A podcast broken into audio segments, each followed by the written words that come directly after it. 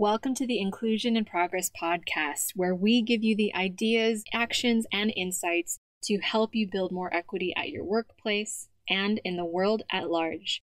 I'm your host, Kay Fabella, international expert on diversity, equity, and inclusion, a Filipino American living in Spain, and your guide in navigating this DEI journey. Having worked with teams at companies such as Philips, the IMF, Red Hat, PepsiCo, and more, I know firsthand that the work of inclusion only works when everyone has a seat at the table. Regardless of your personal entry point into this conversation, your race, ethnicity, gender, ability, age, sexual orientation, country of origin, or educational background, we all have a role to play in creating inclusion for all. And it starts with us having conversations we need to create the change we wish to see. So let's dive into today's episode.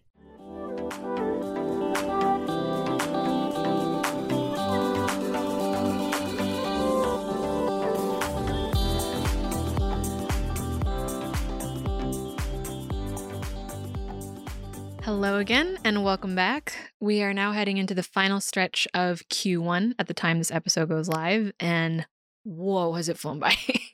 I'm genuinely excited for what April has in store, not just because it will mean warmer weather here in Spain, but also we've got a full roster of client partnerships with the likes of Red Hat, Instagram, Headspace, and more starting this month, and the potential for some in person work too. You remember those things? Now, many of these engagements began a few years ago, so we're honored to continue delivering inclusion solutions for clients who've become our friends and our peers. So, if you'd like to book a call before we close our client roster for 2022, or learn about how you can work with us in 2023 as we begin to open up slots, head to the link in the show notes to get in touch with our team. If you've been to our digital home at inclusioninprogress.com, you'll see that one of the big ways we've shifted our own workflow to focus on our well being as a company is only taking on 10 client partners per year, which allows us to go wider and deeper with our relationships while giving our team a sustainable way to deliver the work that we care about.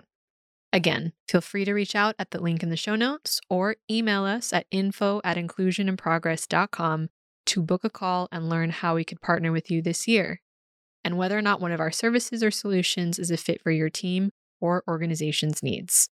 We're happy to discuss how our framework can help you to increase talent retention by prioritizing inclusion, wellness, and support workers from across your organization. Now, today's episode is the final one of our workplace wellness season. Don't worry, we're still putting out more episodes next month. But this is our first time formatting our content on the podcast this way. And we're really happy that many of you have reached out to say how you're taking these conversations into the workplace and what you think of the new episodes. Like Michael, one of our OG fans, who wrote, You always come through with what is needed to meet the moment we are in, Kay. Or Angelica, who emailed us to say, These topics are so timely and necessary. I've taken many of these reflections to my own team and shared the episodes with them, so thank you.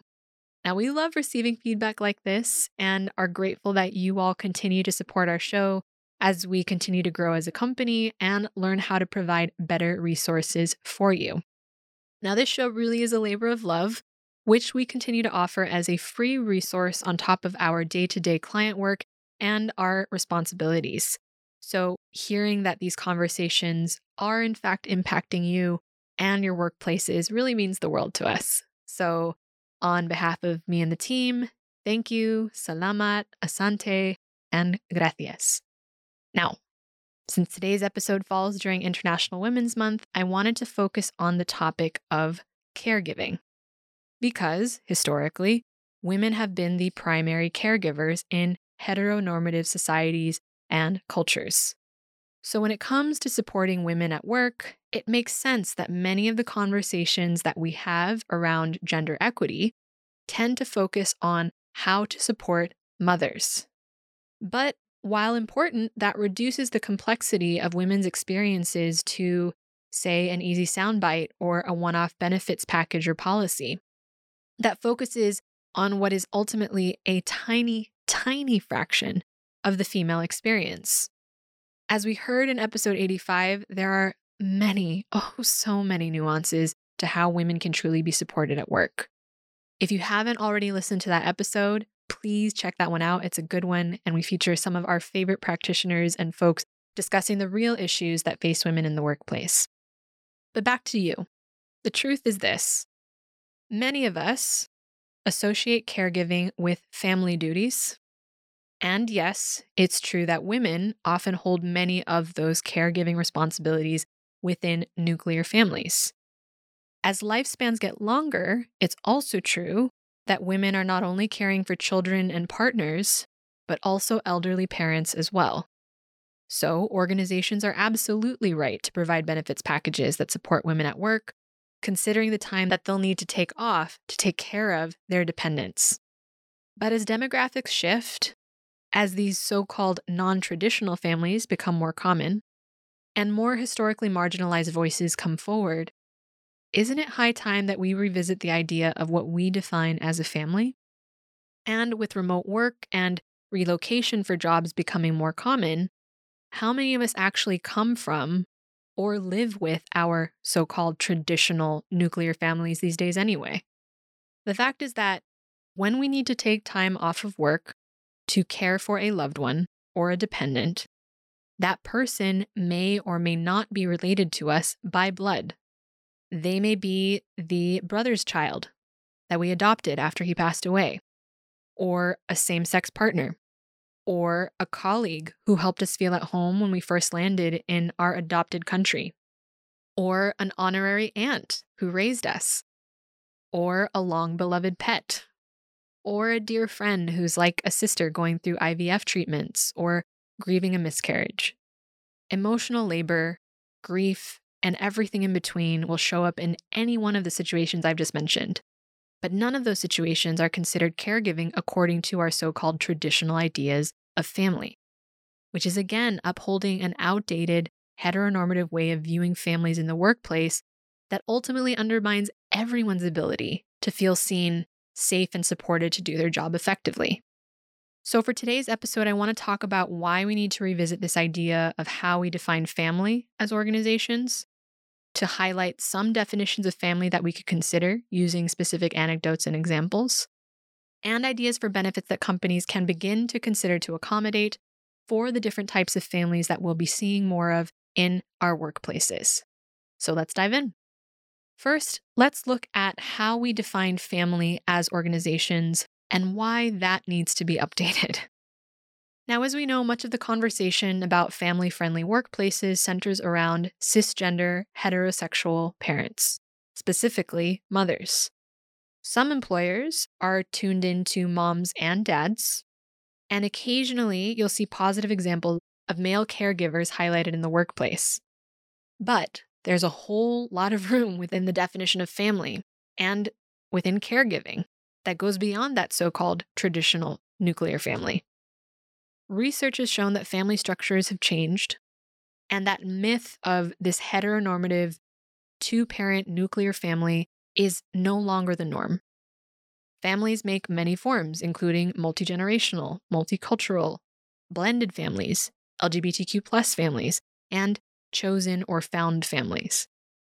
If your goal as an organization is to attract the best talent by touting yourself as a family friendly workplace.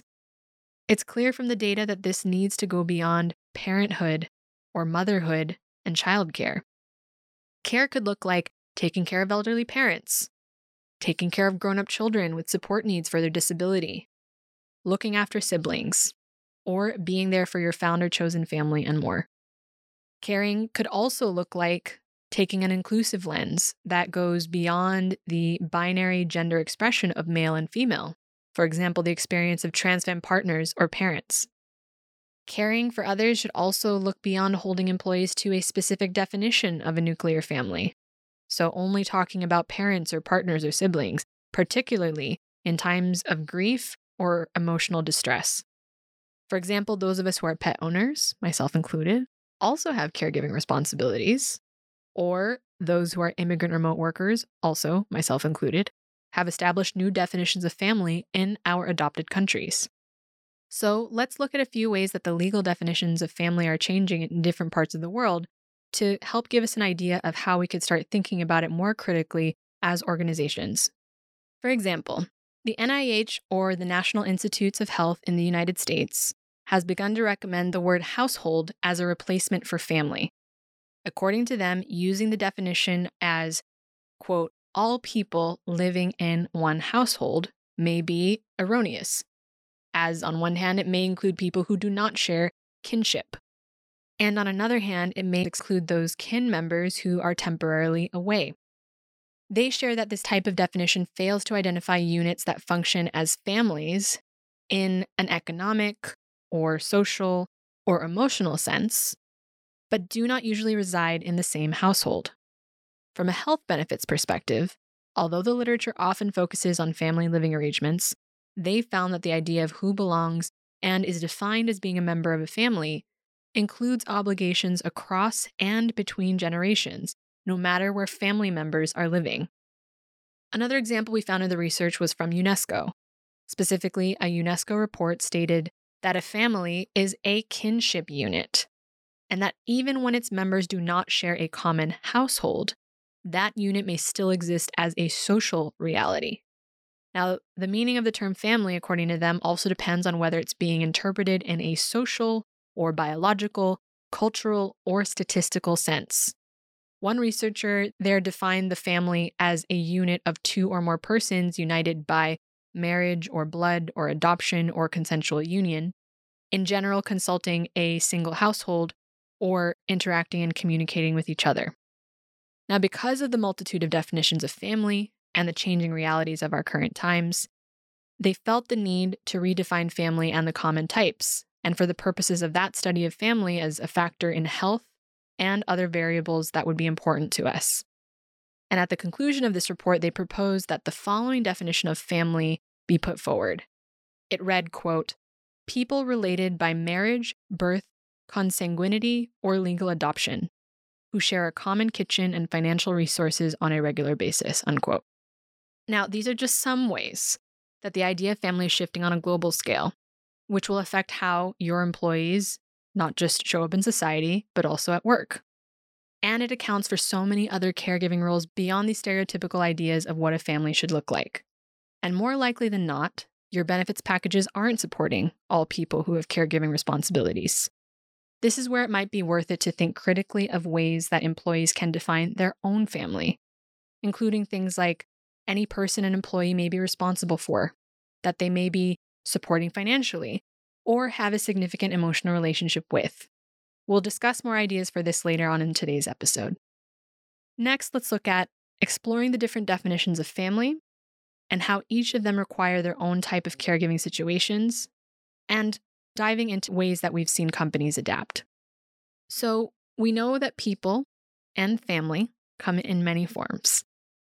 And nobody knows this better than the people who've been advocating for rights the longest the LGBTQ plus community, who have been asking for the expansion of the definition of family in society and at work since they were able to have a voice or they were first listened to.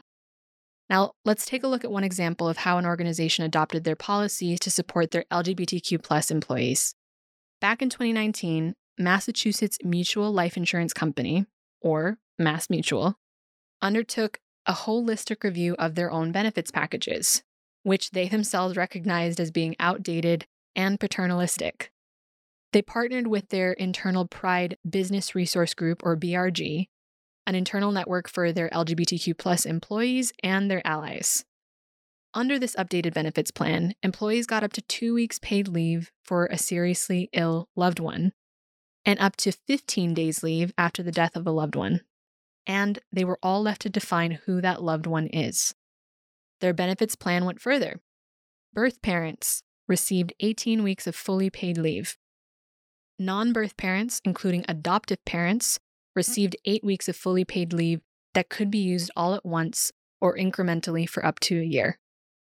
Finally, MassMutual also began to cover employees' fertility treatments without a medical diagnosis of infertility. They chose to include anyone who wants to have a child in that definition, which ensure that members of the LGBTQ community and single parents by choice received equitable access to fertility benefits when they sought it. Another example to look at is that of immigrant or cross cultural workers, who are often far away from their home, culture, or community.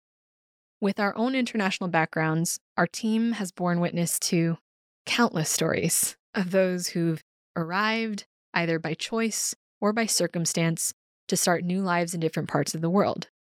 Stories of the immigrants going from one European country to another, from one hemisphere of the Americas to another, or from one continent to another, where the time difference is more than 10 hours between them and their loved ones.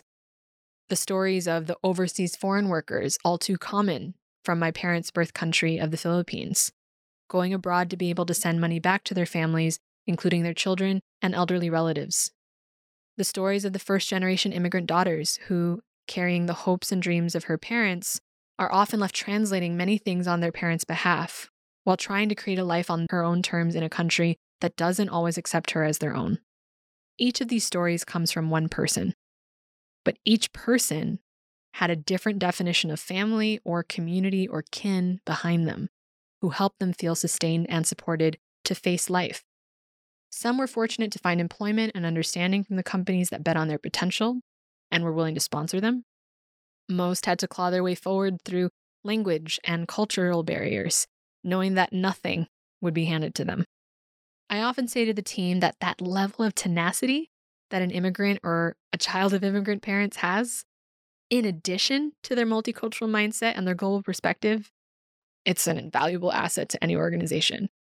So I know that creating ways for them to lean on the chosen families that support them through it all is vital to their well being. What we've learned is that many of the containers that we need to understand one another, to build empathy with one another in organizations, particularly when it comes to the needs of our individual employees, are few and far between in our fast paced world. Sometimes all you need to do is create a container for that zoom out moment with your team, a reset to help check in with one another and revisit boundaries and existing expectations. It's one of the ways that the team and I at Inclusion in Progress are here to help. Through our signature Pause to Progress workshop, an interactive virtual experience where we help teams find ways to strategize and support their own wellness and resilience at work, while fostering an open conversation about what's necessary for teams to look out for one another, including who and how we show up outside of the workplace. Every workshop experience is different depending on the participants who are there and, of course, the lived experiences. But in past editions, we've discussed things such as how to support Black employees and actionable allyship ideas at work, how to foster intersectional solidarity among different marginalized groups, how to help Asian colleagues through rising violence during the pandemic, or non virtual ways that teams can support colleagues who are caregivers. So, if you'd like to learn more about how to book a Pause to Progress workshop to foster inclusion for your remote team members, head to the link in the show notes to get in touch with our team or email us at info at inclusioninprogress.com. Before we close our calendar for the rest of 2022, we'd love to share how we could partner with you to foster inclusion for your team or organization. Finally, let's look at some ideas for benefits that companies can begin to consider to accommodate for different family types at work.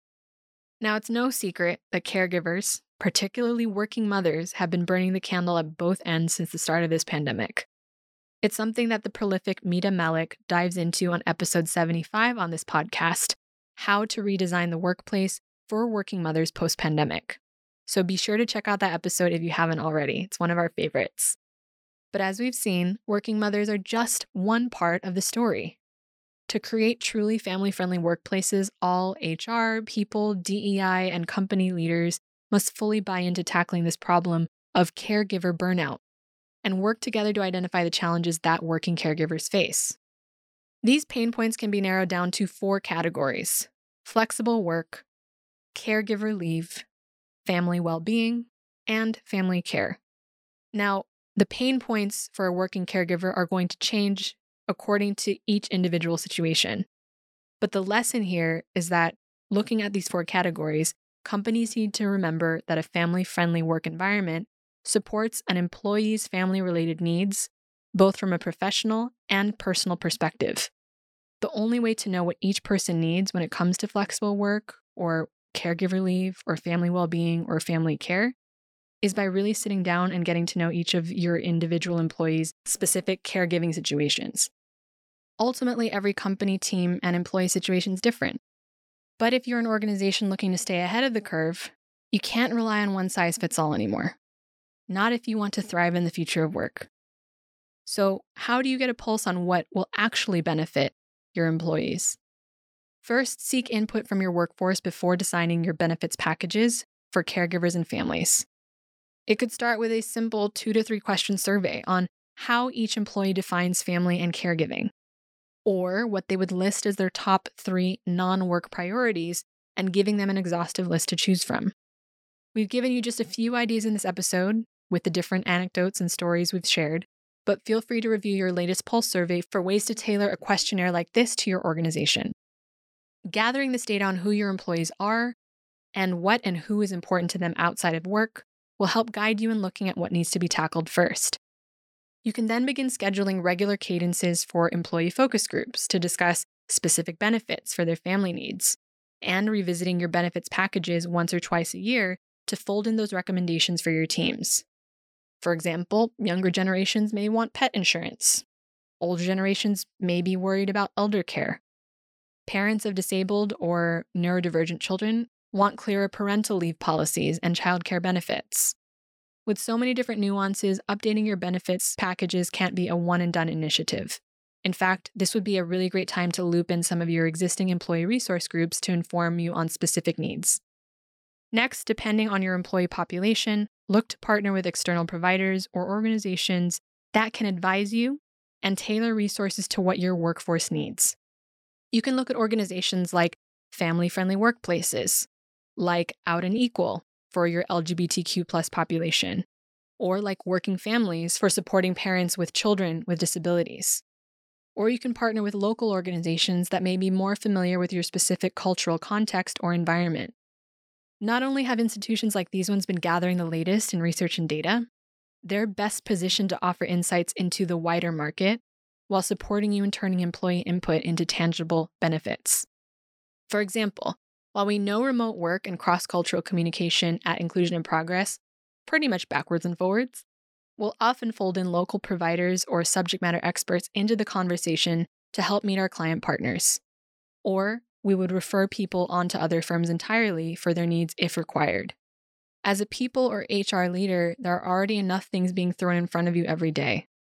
We've learned from many of you how hard and challenging the last few years have been. So, working with an external specialist not only helps you stay focused on your tasks, but signals trust to your workforce that you've heard their input and you're working with somebody to help keep their best interests top of mind. Revisiting your benefits often is not only great for talent retention, but it also offers something truly unique to job candidates who are considering working for your company, especially if they're hoping to start or raise or support their existing family, however they define it. So, there you have it. Those are three things to consider as we try to create family friendly workplaces that cater to all caregivers. We looked at why we need to revisit the idea of how we define family as organizations, what definitions of family we can start considering that have been historically excluded or marginalized in the past, and some concrete ideas for how companies can begin to accommodate for the different types of families we'll be seeing more and more of in our workplaces. Now, today's episode is heavily inspired by employees that we've had the honor of engaging with over the last few years. But the conversation is especially important for leaders and middle managers who have to hold space for those different states of mental, emotional, and psychological health of their team members in the workplace at once. As we've learned over the last few years, no man, no woman, or anyone in between is an island. Our individual well being affects how we do our jobs, but our collective well being is reinforced and strengthened by those who surround us. When we're giving our employees more flexibility in where they work and when, it improves their experience. But as we know, it will also continue to require constant iteration, innovation, and implementation as we navigate these waters of change. Thankfully, our team's seeing more people managers and employees alike willingly and openly asking for what they need, sharing what they'd like to see more of in this future of work, including for things like their non work roles or caregiving duties. And it's this kind of open dialogue that will help support whether our teams want to stay, whether or not we're able to fully unlock their potential without sacrificing their humanity or ours in the process. Now, there are so many different teams now spanning locations and lived experiences, identities, and specific situations than before. So it's easy to feel overwhelmed, which is why at Inclusion in Progress, one of our specialties as a fully remote team spanning countries and cultures is how we help you to embrace that nuance and humility, partner with you in pursuit of consensus across those differences, and create new ways to respond to the challenges that face us. So, if you'd like to learn more about how we can work together, including through our signature Pause to Progress workshop, head to the link in the show notes to get in touch with our team. We've developed longstanding partnerships with the likes of Headspace, Instagram, and Red Hat, and we'd love to discuss how our IIP framework can help your team or organization with a bespoke solution for what you need. Again, head to the link in the show notes or email us at info at inclusioninprogress.com to book a call to discuss how we'll be able to partner with you this year. And as always, if you liked the episode, please share it with other leaders and changemakers who'd benefit from a more inclusive world. Thanks so much for listening. We'll see you next time on Inclusion in Progress.